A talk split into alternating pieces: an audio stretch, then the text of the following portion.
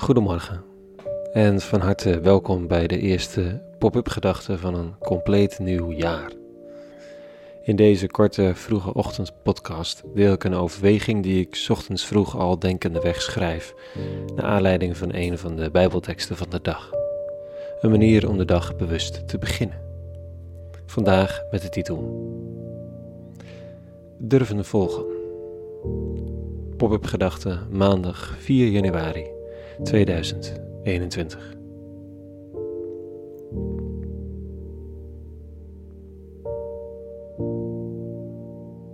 Het is allemaal nog een beetje roestig hoor. Je vergeet weer hoe het was. De laatste van deze pop-up gedachten was maar twee weken geleden. En toch, het was 2020. Het was voor de kerst. En belangrijk voor mij, het was in een ander huis. Sinds anderhalve week wonen we in een binnenstadhuisje in de Jordaan als onderdeel van een artistieke leefgemeenschap in wording. En in deze nog onbekende stilte gaat de wekker om zes uur. Stommel ik zo zacht, zachtjes mogelijk in dit gehorige pandje de trap af en schrijf. Het idee was vier jaar geleden om een moment van stilte en overweging in te bouwen door ochtends vroeg een blik te slaan op de eeuwenoude bijbellezingen van de dag, een katholiek lezenrooster voor de dagelijkse mis en dan al denkende weg te gaan schrijven. En dat doe ik nog steeds. Met niet meer dan de intuïtie en een deadline. Want zeven uur moet het weer klaar zijn. Op pad gaan, elke ochtend weer. Vandaag is het precies dat gegeven, die intuïtie, dat volgen, dat me fascineert.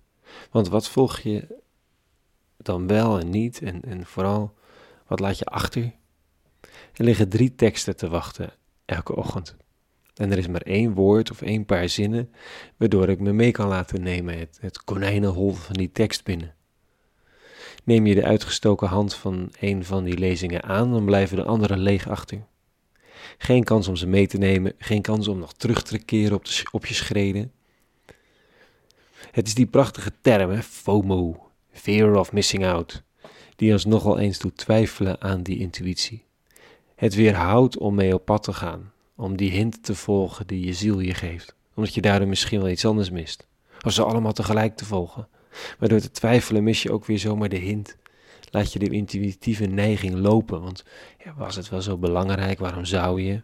En dan is het gevolg stilstand. Vast niet erg, hè? maar ook zonde. Er is zoveel meer tussen hemel en aarde en er zijn geen heldere briefjes uit de hemel met afgepaste recepten en bereidingswijzen.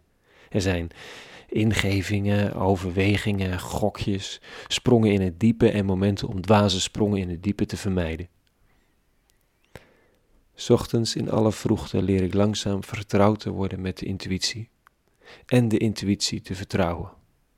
Er is altijd een weg. Het maakt niet zoveel uit welke richting je inslaat als je het maar met aandacht doet. Ik bedenk me dit als ik zie hoe de leerlingen van Johannes de Doper, een fenomeen uit de tijd van Jezus van Nazareth, een asceet, een wilde man uit de woestijn, radicaal, toegewijd, een die wel wijsheid moet bezitten. Als deze man Jezus van Nazareth voorbij ziet komen en verzucht, zie het lam gods. Twee van zijn leerlingen laten hem acuut in de steek, in elk geval voor de dag. Dat lef. Dit staat er. In die tijd stond Johannes aan de overkant van de Jordaan, nu met twee van zijn leerlingen. Johannes richtte het oog op Jezus die voorbij ging en sprak: Zie, het lam Gods. De twee leerlingen hoorden hem dat zeggen en gingen Jezus achterna.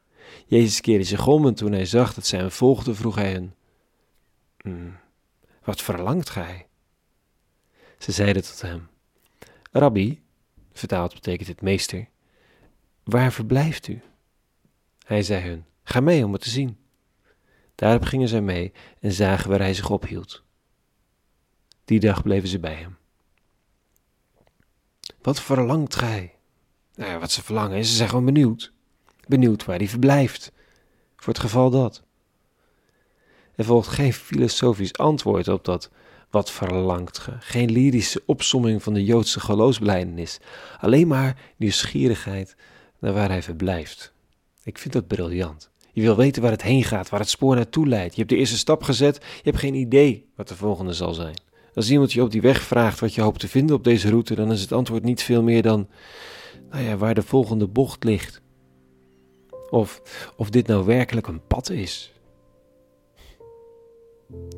De handeling van de twee leerlingen van Johannes, meteen durven volgen en dan maar zien. Nou, dat bleek vanochtend in elk geval genoeg inspiratie. Zo op de eerste pop-up gedachte ochtend van het nieuwe jaar. Een eerste stap. We zien wel waar het weer heen leidt. Tot zover vandaag. Een hele goede maandag gewenst. En vrede. En alle goeds.